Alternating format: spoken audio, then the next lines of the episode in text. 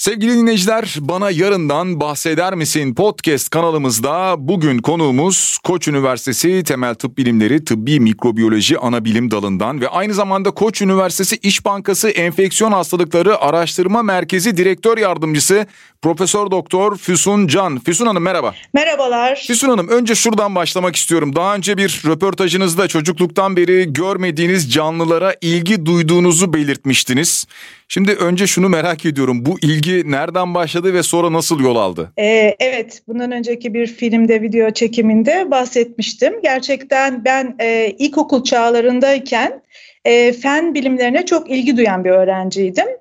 Ve e, ilkokulda derslerimizden birinde, fen laboratuvarlarımızdan birinde mikroskop altında ilk kez bir e, aslında o zaman soğan kabuğu incelemiştik ama e, yapıları hı hı. gördüğüm zaman hücresel yapıları beni çok heyecanlandırmıştı.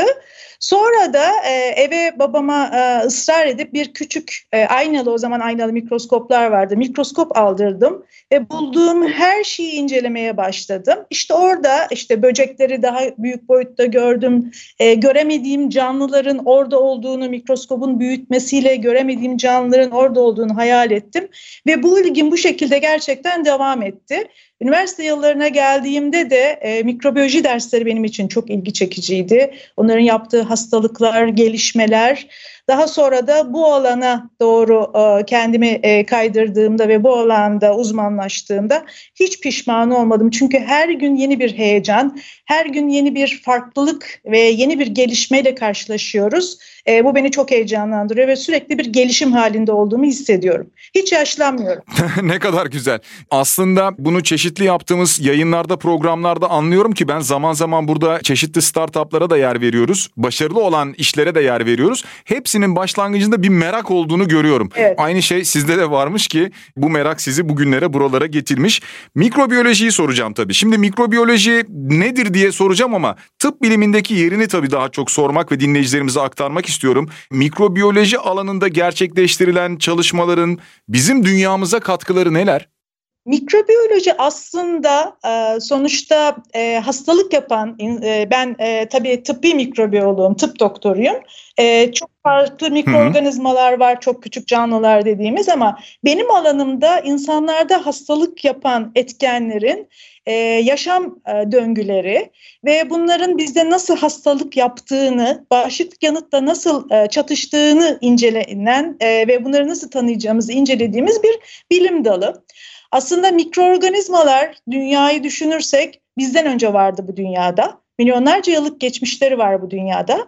Ee, biz daha sonra insanlar daha sonra tabii ki yerleşimi oldu. A, a, ama mikroorganizmalarla bizim ilk tanışmamız 17. yüzyılda Anton Leeuwenhoek'un mikroskobu ilk kez e, mikroskop merceğini bulmasıyla başladı.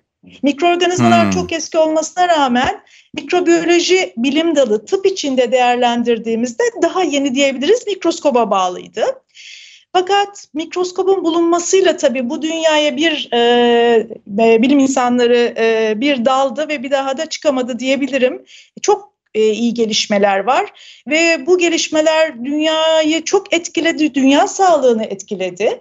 Bir yandan mikroorganizmalar, salgınlar işte şu andaki pandemide gördüğümüz gibi salgınlar yaparken e, bilim insanları bu önce mikroskobun sayesinde sonra geliştirilen tabii e, farklı teknikler özellikle moleküler tekniklerle insan sağlığını etkileyen önemli e, gelişmelerde katkılar bulundular. Mesela Louis Pasteur'ü e, örnek alalım. Kuduz aşısını ilk kez buldu.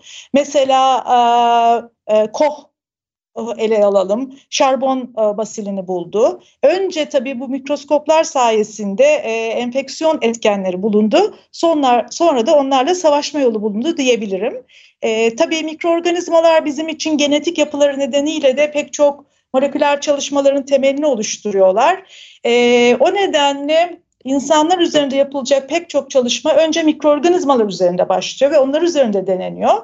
Bu nedenle mikrobiyoloji bilim dalı e, pek çok bilim dalını aslında öncülük etmiş bir bilim dalı diyebilirim.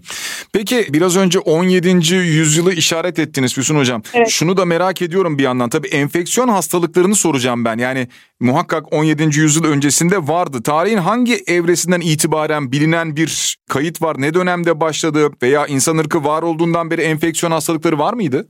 İnsanoğlu var olduğundan beri enfeksiyon hastalıkları mutlaka vardı ama bizim onları hani eskiye tarihe baktığımız zaman ilk gözlemlerimiz eski Mısır'a kadar gidiyor.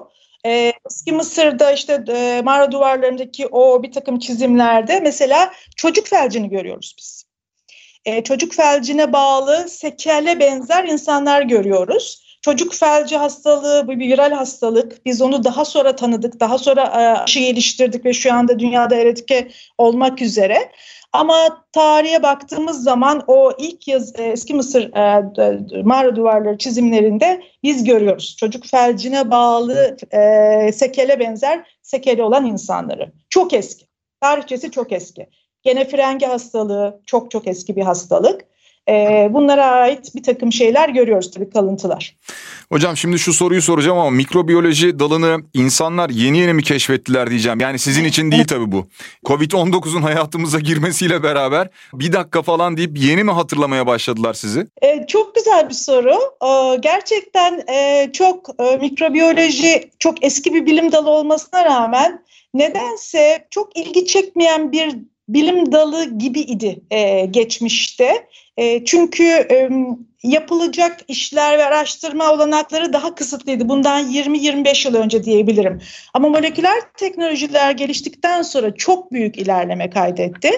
E, ve e, mikrobiyolojideki o virüsleri ya da e, bakterilerin ya da diğer mantarların e, genetik yapılarını görüp onlarla oynamak ve onlarla farklı bir takım e, şeyler yapabilmek çok heyecanlandırdı aslında genç bilim insanlarını. Genç bilim insanları bu mikrobiyolojiye son 20 yılda yönelmişti. Fakat bunun toplumda bu şekilde popüler olması maalesef ki bir pandemiye bağlı oldu. E, pandemiden önce bir küçük mikroorganizmanın insan sağlığını bu kadar etkileyebileceği düşünülmüyordu. Aslında enfeksiyon hastalıkları dünyada ölümler arasındaki en üstteki nedenlerden birisi. Hmm. E, kanser hep e, çok önemsenir.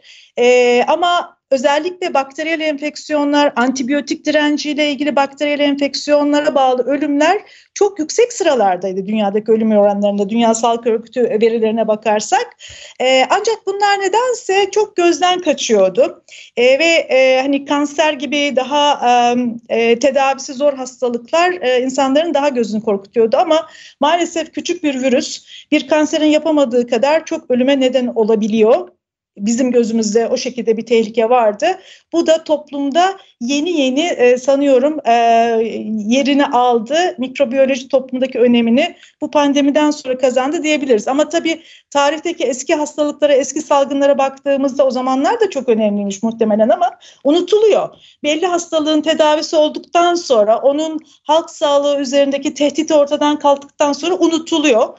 Muhtemelen yeni bir salgına kadar belki ileriki yıllarda yine tekrar e, eskisi gibi biraz daha arka planda değerlendirilebilir ama e, şunu iyice bilelim ki enfeksiyon hastalıkları hep var. Mikroorganizmalar çok sık yapı değiştiriyorlar ve biz onlarla mücadele için bir yol keşfettiğimizde maalesef onlar kendilerine kaçacak yeni bu yollar buluyorlar. E, bu nedenle ileriki tarihlerde ümit etmiyorum ama tekrar gündeme gelecek yeni enfeksiyonlar, yeni salgınlar olabilir maalesef. E, çok hızlı evrim geçiriyorlar çünkü. Hocam bu arada kısa bir soru. Kendi merak ettiğim bir şeyi soracağım. Bu dönemlerde, bu tip dönemlerde biraz daha böyle bir popülerite kazanıyor ya meslek. Evet. Acaba bu tip dönemlerde başvuru sayısı artıyor mu üniversitelere, bu alanlara? Artıyor kesinlikle artıyor. Bunu bugün ne kadar güzel bir soru sordunuz. Bugün e, bizim e, üniversitede mikrobiyoloji, master ve doktora programlarımız var. Her sene tabii çok sayıda başvuru oluyordu. Son yıllarda gittikçe artmıştı ama bugünkü sayıya baktığımda mikrobiyoloji, master ve doktora sayısına inanamadım. Yani hakikaten master programımıza yüzlerce öğrenci başvurmuş. Gerçekten çok yüksek bir sayı. Tabii bunun nedeni pandemi, Covid-19 pandemisiyle e, özellikle genç bilim insanlarının kendilerini gelecek görmesi, bu araştırma alanında gelecek görmesi en önemli nedenlerinden birisi. Ben mesela tıp fakültesini bitirdiğimde temel bilimlerde bir alana kayacağım mikrobiyolojide düşünüyorum ama bir hocamdan danışmanlık almıştım. O zaman hocam bana demişti ki kesinlikle mikrobiyolojiyi seçmelisin. E, çünkü mikrobiyolojide her zaman kendine bir yenilik bulursun. Mikroorganizmalar hiçbir zaman e, bitmeyecek. Geçmişte de sorundu, gelecekte de sorun olacak. Bu alanı seçersen hiçbir zaman işsiz kalmazsın demişti. Doğru çok doğru demiş. Kendisini saygıyla anıyorum. E, genç araştırmacılar da sanıyorum e, bu alandaki geleceği daha iyi görüyorlar. Hakikaten sadece koronavirüs şu andaki SARS koronavirüsle ilgili araştırmalar bundan en az 10-15 yıl boyunca devam edecek. E, o nedenle e, ilgi çok arttı.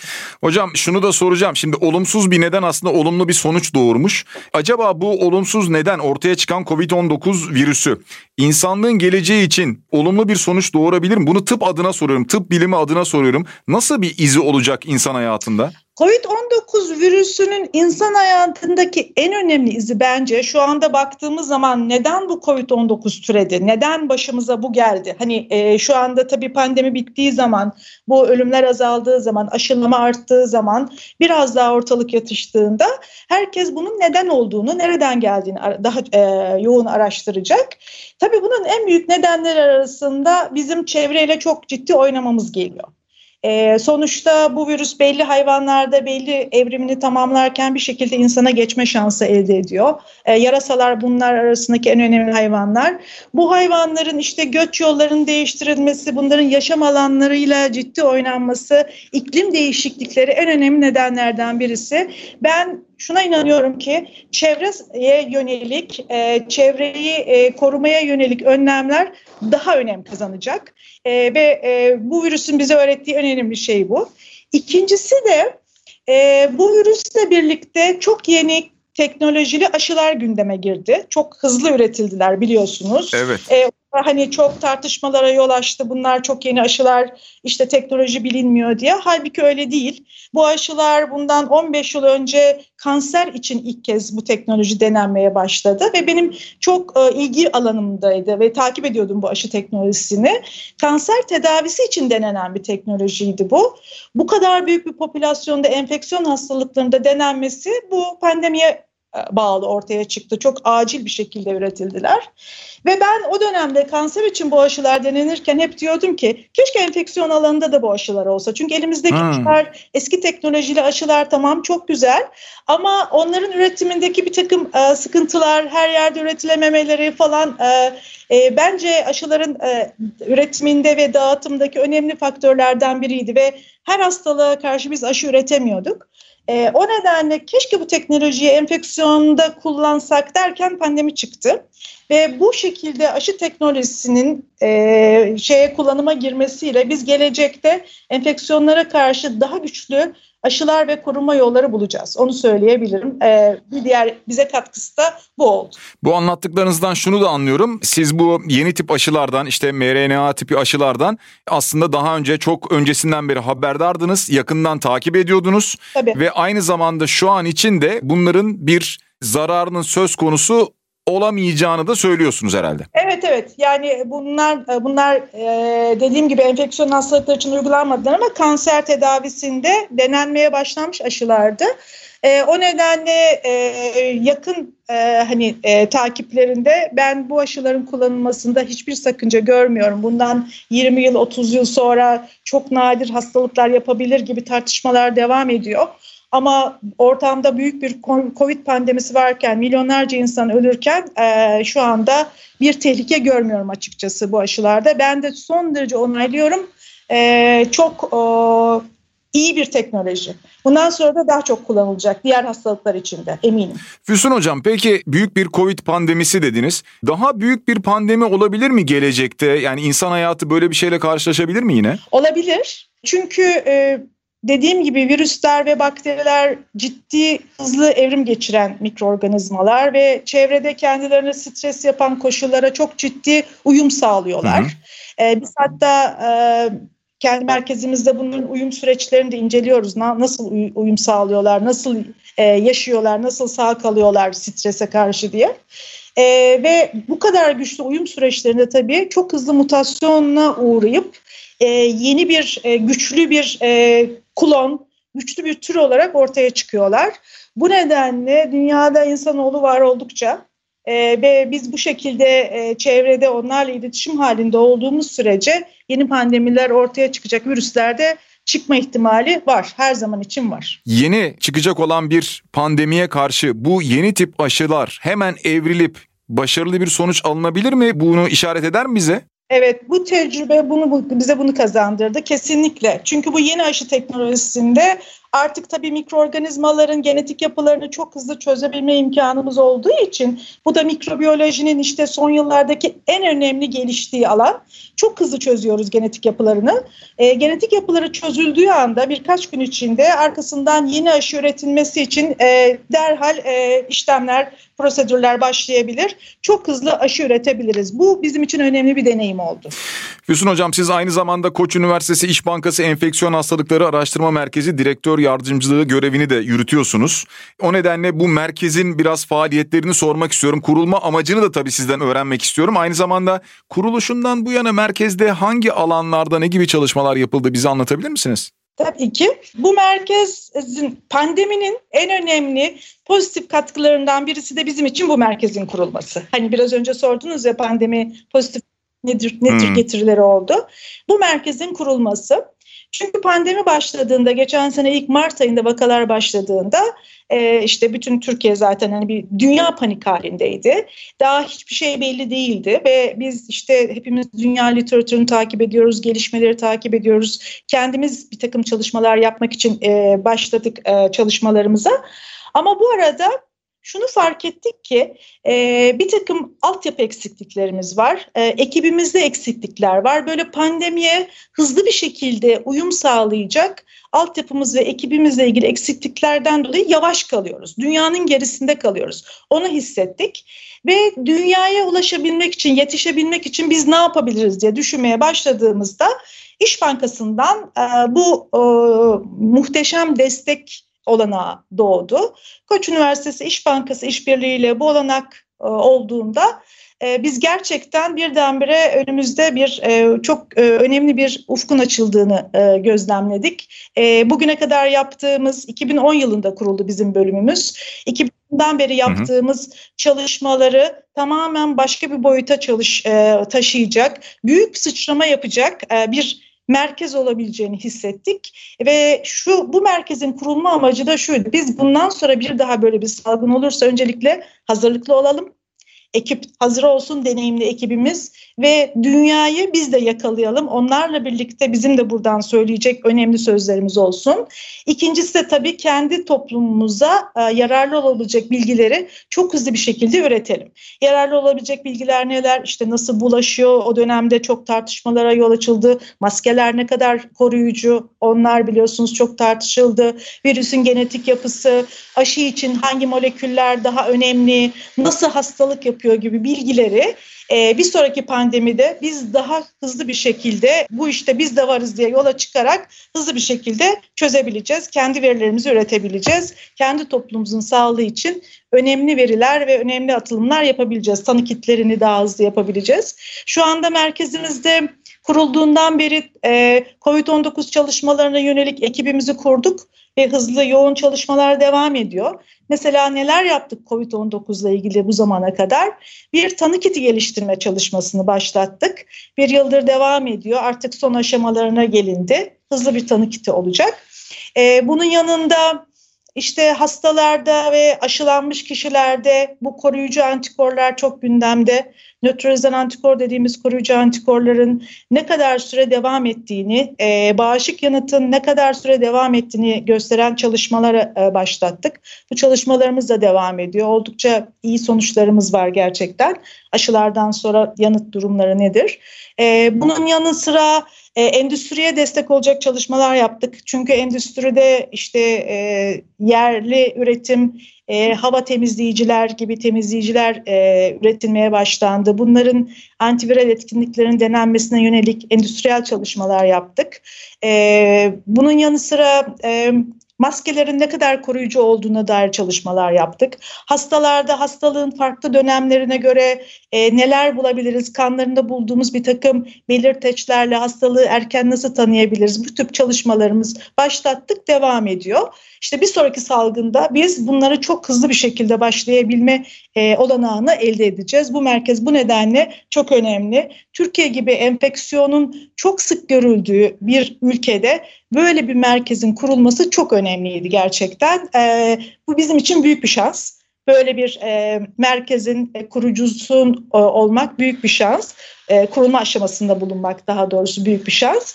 E, Türkiye'de bu viral e, SARS koronavirüs bittiğinde bir başka önemli problem var. Antibiyotik dirençli bakteriler, hastane enfeksiyonları, milyonlarca lira kayıplara neden oluyor bu enfeksiyonların tedavisi. O yönde çalışmalarımız devam ediyor.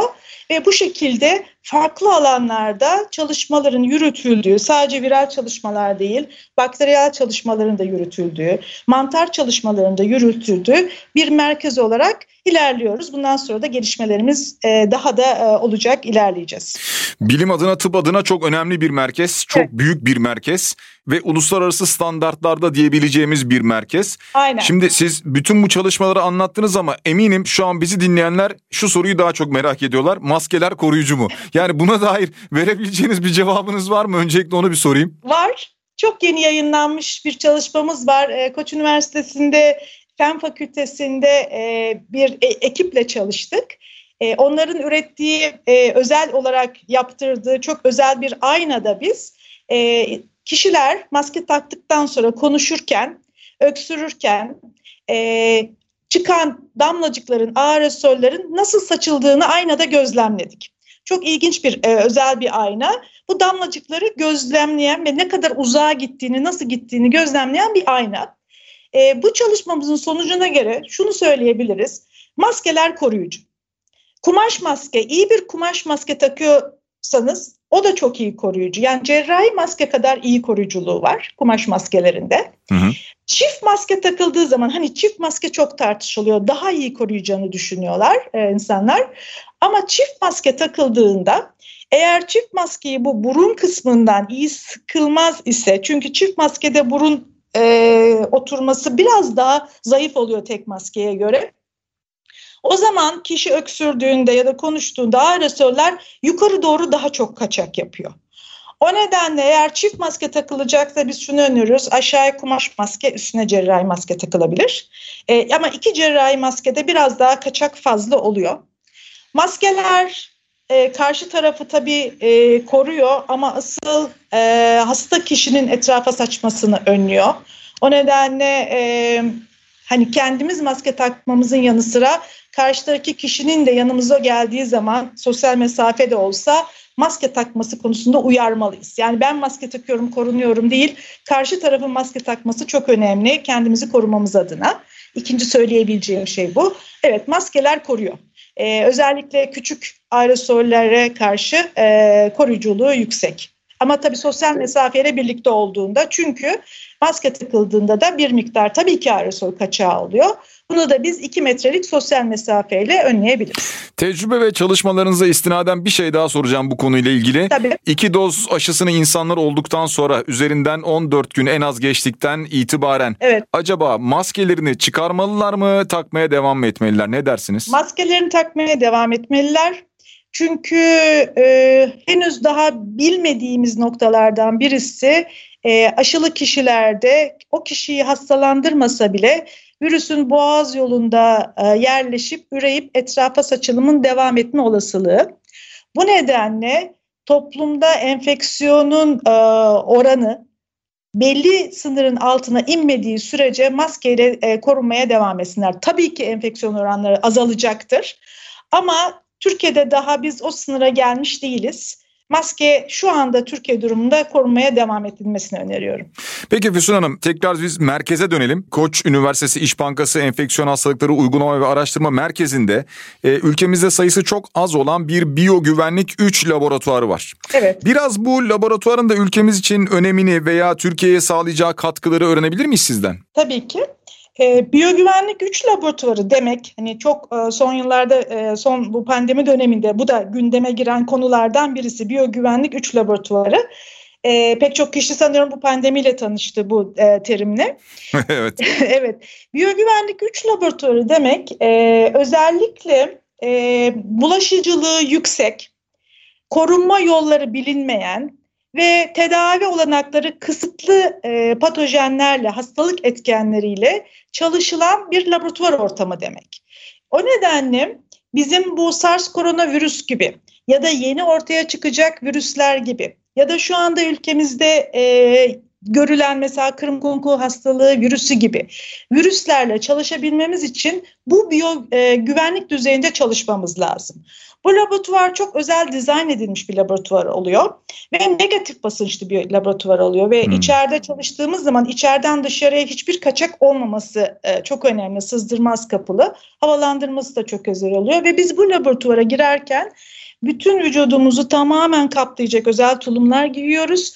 Özel maskeler takıyoruz, gözlerimizi koruyoruz. Yani bütün vücudumuzu tamamen kaplayıp işte ayaklarımızı özel e, e, koruyucular, ellerimize çift eldiven gibi e, özel şeylerle, e, koruyucu ekipmanla giriyoruz. Çünkü çalıştığımız virüs, şu anda SARS koronavirüs ya da Kırım koronavirüsü gibi virüsler ülkemiz için söylüyorum. Bulaştığı zaman biliyoruz ki hastalandırma oranı çok yüksek. Bulaştığı zaman biliyoruz ki tedavi olanakları kısıtlı. SARS koronavirüs için tabii aşı çıktı. Kırım Kongo için aşı da yok. Ee, biliyoruz ki korunma şansımız yok. Ee, o nedenle biyogüvenlik 3 düzey laboratuvarı işte bu tip önemli riskli hastalık etkenleriyle çalışılan laboratuvar dizaynı diyebilirim. E, tabii bu tip laboratuvarların Türkiye'de az sayıda olmasından dolayı işte bu tip virüslerle, bu tip bakterilerle, ciddi önemli hastalık yapan bakterilerle çalışma olanaklarını kısıtlıyor. Çünkü bugün yapılan bilimsel çalışmalar bundan 4-5 yıl sonra e, toplumdaki önemli bir sağlık parametresini düzeltecek çalışmalar olarak karşımıza çıkacaktır. E, bu tip çalışmaların yapılabilmesi için bu laboratuvarlara ihtiyaç var. Bizim merkezimizde tabii bu laboratuvarın olması çok büyük bir olanak. Çünkü biz SARS koronavirüste şu anda dünyanın yapılabilen diğer merkezlerdeki pek çok çalışmayı yapabilme olanağı bulduk ve yapıyoruz. Bu nedenle önemli. Hocam yani ben sizi dinlerken bilmiyorum dinleyicilerimiz ne düşünecekler düşünüyorlar ama belki şu an adına küçük ama belki ilerisi için insanlık adına, tıp adına, bilim adına çok büyük bir çaba sarf ediyorsunuz, adım atıyorsunuz ve bugüne kadar da tüm bu çalışmaları yaptınız zaten. Bugün belki önemi daha çok ortaya çıktı. Sağ olun size de şahsınızda aynı zamanda araştırma merkezine de yine aynı şekilde bizi dinleyen meslektaşlarınıza da buradan çok teşekkür ediyoruz. Sağ olun. Ben çok teşekkür ederim davetiniz için. Çok keyifli bir program oldu. Ee, umarım e, pandemisiz günlerde enfeksiyon hastalıklarından korunmayı tartışabileceğimiz diğer programlarda görüşürüz. Çok teşekkür ediyorum. Biz teşekkür ederiz.